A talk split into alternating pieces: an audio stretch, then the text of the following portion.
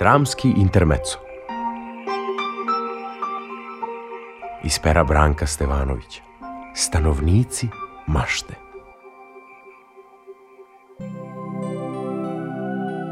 Čarobnjakove čarolije.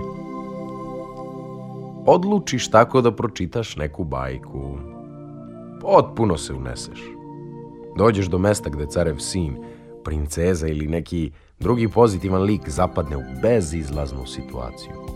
Kad odjednom, puf, pojavi se čarobnjak, mahne prstom ili nekakvim štapom i rešena stvar. Drugi put, opet, sve teče kako treba. Već možeš da predvidiš srećan kraj. A on iskrsne, promrmlja, Čiribu, čiriba, hokus, pokus, preparandus, čara, bara, kokošara, raskišeli, seliti se opanci, abrakadabra ili nešto slično tome, pa se sve zamrsi i vrati na početak. Čarobnjak može da bude dobar ili rđav. Može da te izbavi iz neke mračne pećine ili da te nemilosrdno gurne u nju. Može te okameniti može ti postaviti na izgled nerešivu zagonetku ili ti na drugi način zadati glavobolju, ali i dati dragoceni poklon. Naprimer, kapu pod kojom se postaje nevidljiv, vreću punu raznih džakonija koje se nikad ne isprazni, travku koja leči od svih bolesti, devet života, sposobnost da razgovaraš sa životinjama i biljkama, U pričama je čarobnjak najčešće prikazan kao sedi starac duge kose i brade.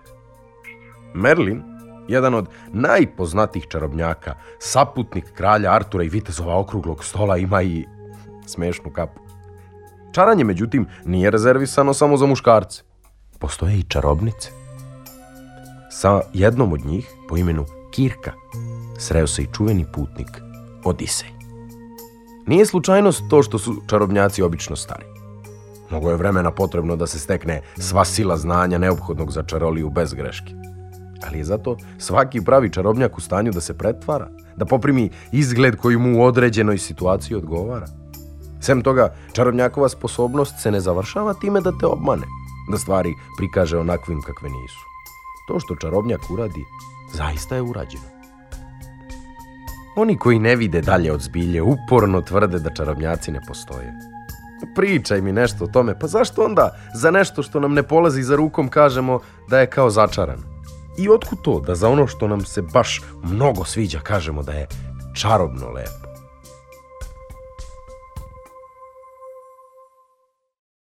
Kad vila povileni Istina je da se gotovo svaka gospođica i skoro svaka gospođa malčice u obrazi ako joj neko kaže da je lepa kao vila. Vile, stanovnice pesama, priča i sličnih rezultata mašte mnogih naroda, lepe su toliko da se od davnina zna da takva lepota rečima ne može da se opiše. E, ali osobi koja za sebe čuje da je povilenila – valja se ozbiljno zamisliti i pre svega primiriti. Neke od vila stanuju u oblacima. To su vile oblakinje. Ostale mogu da budu gorske ili vodene, baš kao i njihovi rođaci vilenjaci, koji nisu baš nešto lepi. Oni su uglavnom maleni, tanušni, dugoprsti i dugokosi, pomalo smešni i nespretni. Sve vile neverovatno lepo pevaju, a kad igraju, jao onom ko se uhvati u njihovo kolo, on nesvesti se igrajući. Vile mogu da lete i mogu da se učine nevidljivim i znaju mnoge važne stvari koje ljudi nikada neće saznati i veoma su nemirne često obesne, a nekad i pakosne. Bez brige, zlobne su samo ako ih neko uvredi ili ponizi. Prisetite se uvređene vile koja je zamrsila sudbinu u spavanoj lepotici ili trnovoj ružici, svejedno. Sreća što su preostale dve vile u bajci bile lepo raspoložene. Uzgred, te tri vile su tada zauzele mesto drugih stanovnica mašte koje se zovu suđaje, a bave se upravo određivanjem sudbine deteta čim se rodi. Mnogi likovi iz epskih narodnih pesama imali su posla sa vilama. Kraljević Marko, u običnom životu Marko Vukašinović, jedanput je primorao gorsku vilu Rabiojlu koja je njegovog pobratima Vojvodu Miloša ustrelila u grlo i u srce i to samo zato što je pevao lepše od nje, da donese lekovito bilje i junaka oživi. Posle su se pomirili i vila je Marku postala posestrima. A čuveni Rade Neymar, u stvarnosti Rad Borović koji je urezao svoje ime u kameni prag crkve manastira Ljubostinje silno se u pesmi namučio dok je sa ostalim majstorima zidao skadar na bojani. Bile su noću rušile sve što bi oni preko dana sagradili. I tako nema šta. Stvarno je opasno kad vile povilene, ali kad je vila dobra, baš je dobra. Pomislite samo kako bi prošla pepeljuga da joj se vila u pravo vreme nije našla pri ruci. Ko se boji vukodlaka još?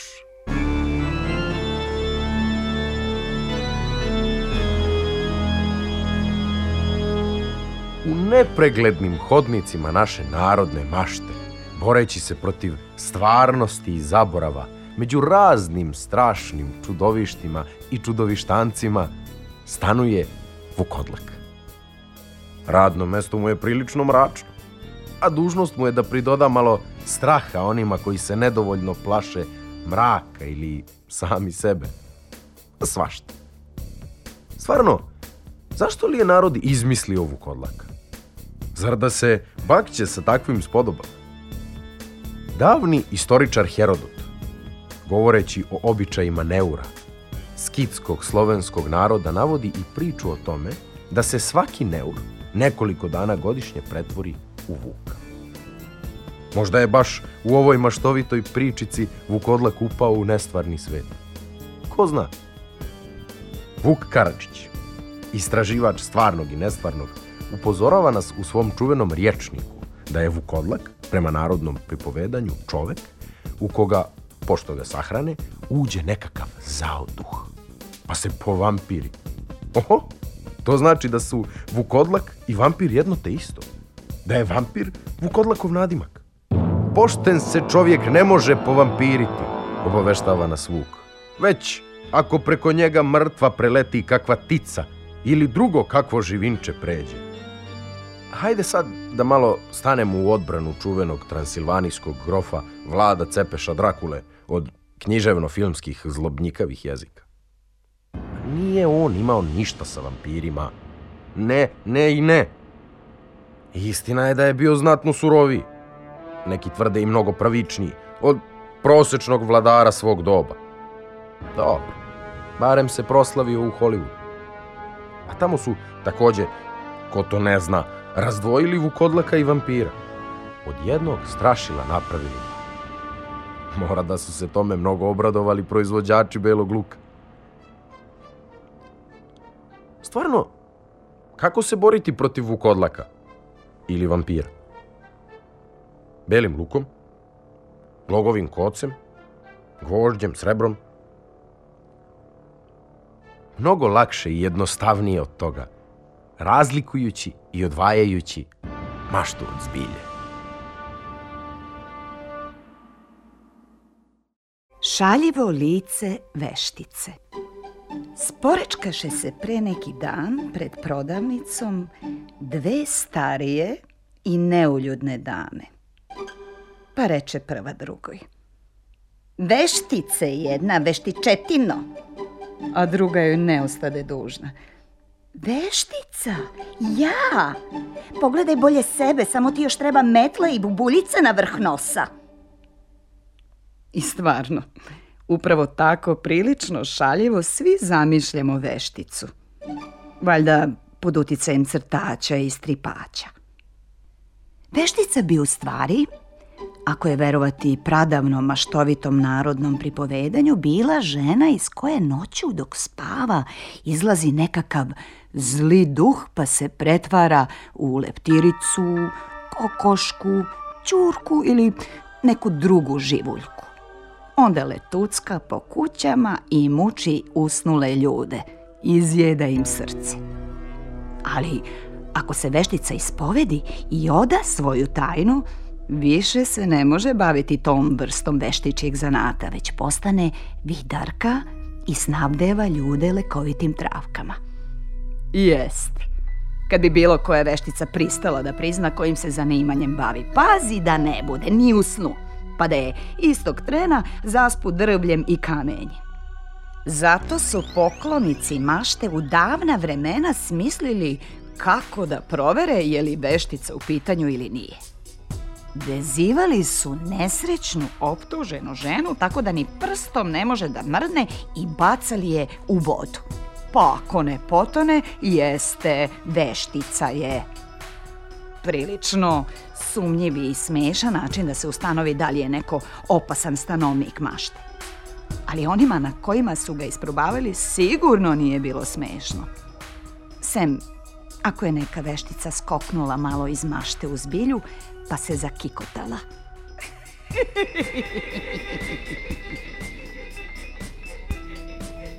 Zašto bi se u ostalom veštice pojavljivale u stvarnosti kad im je mnogo komotnije tamo gde oduvek borave? u bajkama i zmišljankama. U njima se one često okupljaju u krošnji nekog velikog oraha, a povremeno im se pridruži i poneki veštac. Pa udare brigu na veselje. Jer imaju veštice i briga. I te kako. Ko ne veruje, neka se iz ovih stopa vrati u rano detinstvo i ponovo pročita recimo o bajku o Ivici i Marici. Zadivljujući svet divova. Otkad je zbilje i mašte, bilo je divova. Stari Grci, poznati po čudesnoj maštovitosti, ispripovedali su tako da su pradavnim svetovima gospodarili titani bića divovskog stasa i snage, deca neba i zemlje. Helenska mašta stvorila je i gigante, pa i kiklope, ogromne jednooke ljudoždere. Najpoznatiji kiklop je Polifem, čije ime znači čuveni. Ovaj surovi sin Poseidona, boga mora, opevan je u Homerovoj Odiseji. Dok je ljudi biće i divova. Svetozavetni car David, psalmopevac, u ranoj mladosti oštrum i pastir vrstan svirač na harfi, zaslužio je večito poštovanje i time što je podelio Megdan sa Golijatom, pravim pravcatim divom. I pobedio nadobudnog Golijata, pogodivši ga kamenom iz praćke. Nije lako biti div. Divovi imaju divovske probleme. Treba im divovsko delo, divovski krevet, gomila hrane. A najteže im pada to što ma kako bili veliki. U bajkama često bivaju nadmudreni. Svi se plaše diva, a na kraju je on taj koji izvuče deblji kraj. Ili mu hrabri krojač zašije rukave i potpuno ga sputa ili odseku stablo čarobnog pasulja niz koje se spušta, pa se stropošta. Junak jedne prastare priče ubedio je divove da je jači od njih, tako što je iscedio pred njima veliki kolut sira, pretvarajući se da cedi vodu iz kamena. Ponegde se, umesto div, kaže gorostas, grmalj, orijaš ili ispolin, što je starinska srpska reč koja označava biće divovskog stasa. Kod muslimanskih naroda postoji džin, dobar ili zao duh nadprirodne snage. U knjigama se često nađe i izraz kolos. On je s početka označavao kip boga Apolona, visok 34 metra, koji se u davnoj prošlosti nalazio na ostrvu Rodos i koji se smatra jednim od svetskih graditeljskih čuda. U slovenskoj mitologiji div kao jedno od ovaploćenja nekadašnjeg vrhovnog božanstva Svaroga, menjajući lik i oblik, upozorava ljude na opasnost, a posebno se pojavljuje pred vojskom koja se zaputila na bojno polje i proriče pobedu ili poraz. Nego, šta mislite? Zar ne bi bilo zanimljivo pokušati pronaći odgovor na pitanje? Otkud to da se jedan od čuvenih košarkaša preziva ni manje ni više nego Ivac.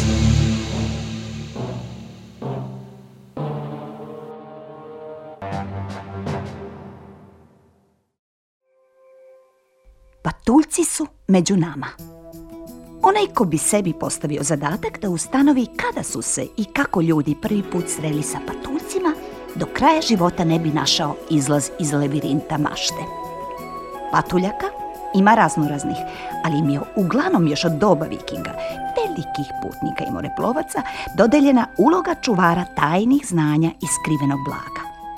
A otkud to blago i kakva su to znanja? Odgovor je manje komplikovan nego što bi se moglo očekivati. Patuljci su stanovnici podzemnog sveta i poznata im je unutrašnjost planina. Svaka pećinica i pukotinica. Duboko pod zemljom oni rade u rudnicima. Sabiraju drago kamenje i plemenite metale, a zatim izrađuju neopisivo lep nakit i druge divne predmete. Obdareni su nadprirodnim moćima, a najsposobniji među njima vođa patuljaka, istinski je čarobnjak. Redko ko je od patuljaka uspeo da iskamči dragocene rukotvorine – potrebno je učiniti zbilja veliku uslugu pa da do toga dođe.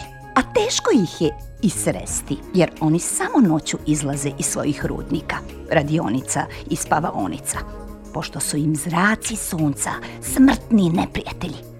Ne treba prećutati ni da su neki među njima pomalo pakosni. Recimo, oni koji nose naziv trolovi. Ljudi poštuju patuljke i vole da se oni, makar u pričama, pojave među njima. Naravno, u dobrim namerama. Zato su se među ljudima rodili i Biberče i Toma Palčić. Tek da učine poneki podvik. Postoji pričica o tome da je na našim prostorima nekada živelo veliko pleme patuljaka, ali se zbog pojave neke nepoznate bolesti odselilo na sever. Oni koji bi da po svaku cenu pomire maštu i nauku, pripovedaju da su u selu Pilatovićima, nedaleko od Požege, arheolozi otkrili pa sakrili groblje patuljaka. Zanimljivo je to sa naukom i maštom.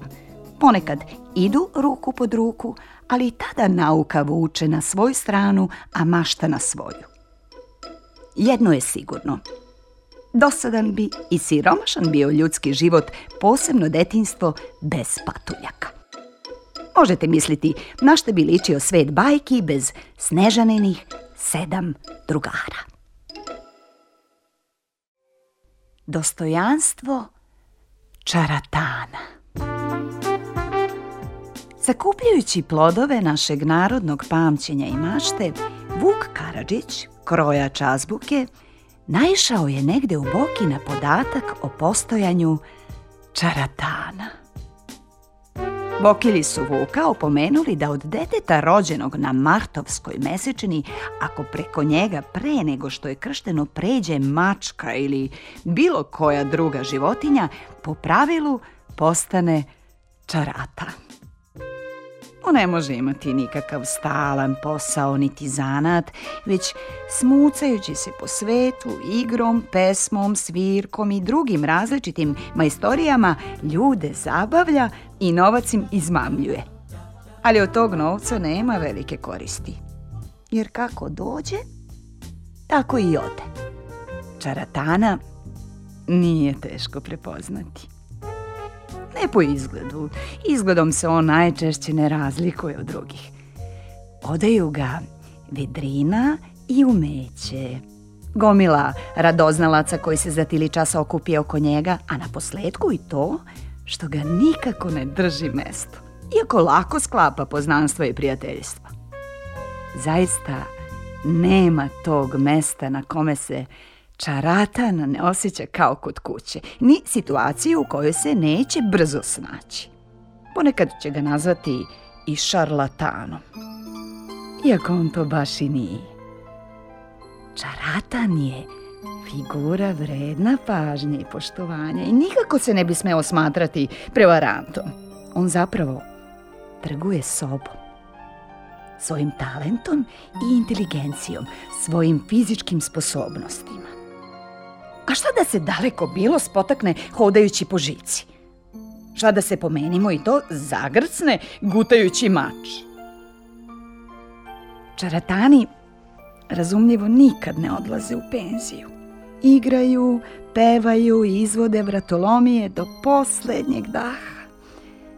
Pošteno odrade svoju sudbinu.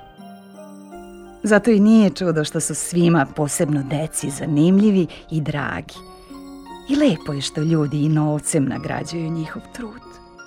A to što će čaratan sve ono što zaradi zabavljajući druge opet dalje na zabavu dati, to je, valjda ćete se složiti, njegovo pravo i njegova stvar.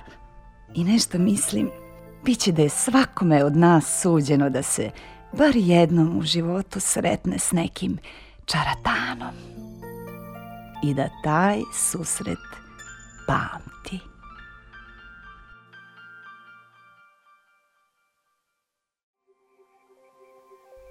Najmlađi carev sin. Kad bi stanovnici mašte mogli da biraju ulogu koja će im u priči biti dodeljena, otimali bi se onu koja pripada najmlađem carevom sinu.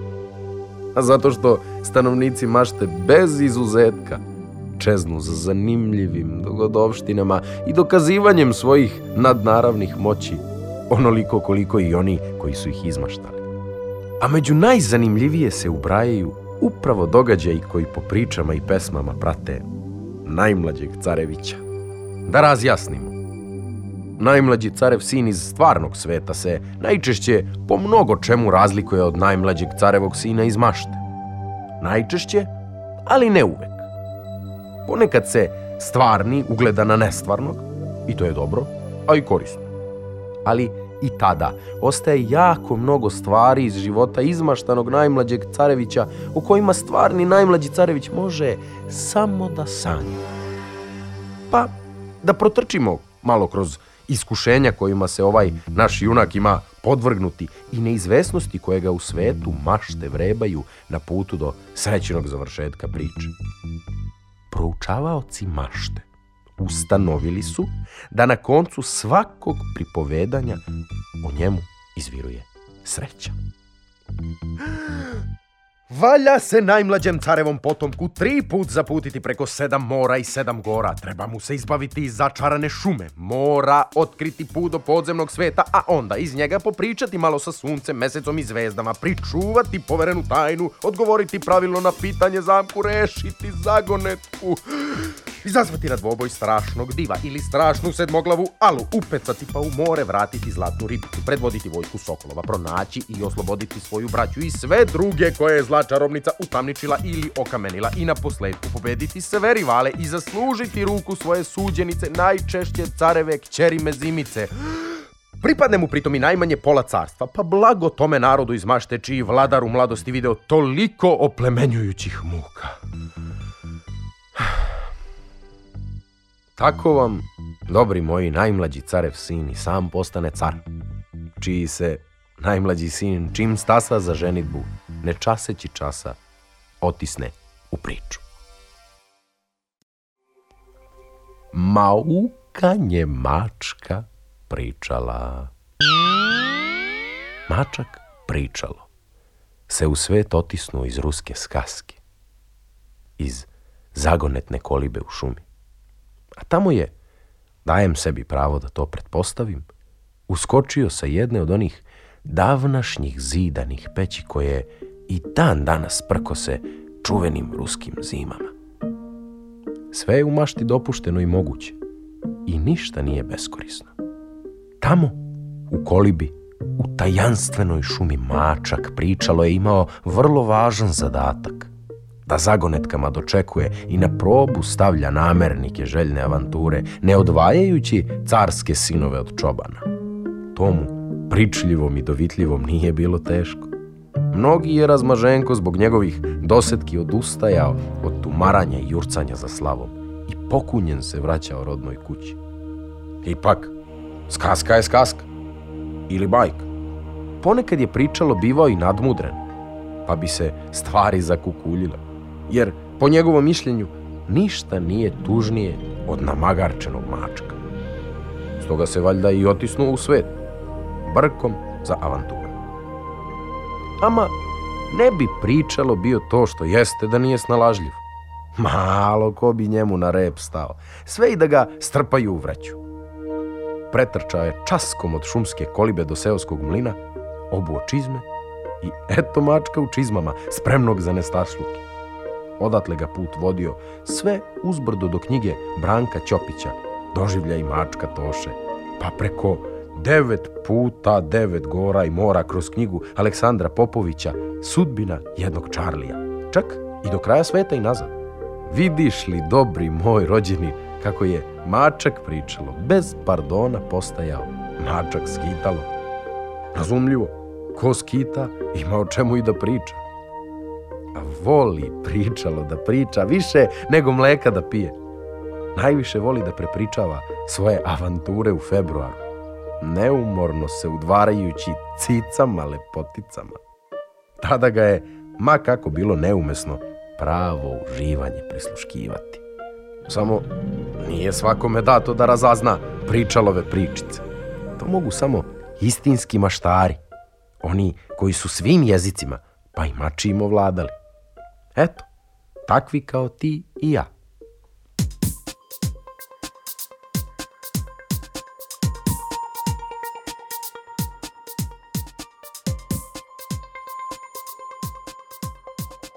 Slušali ste dramski intermeco iz pera Branka Stevanovića. Priče stanovnici Mašte iz knjige Eto tako čitali su Sanja Mikitišin i Grigorije Jakišić kompozitor Đorđe Planjanin, ton majstor Jovan Gajić, urednica emisije Suzana Simić, dramski program Radio Televizija Vojvodine.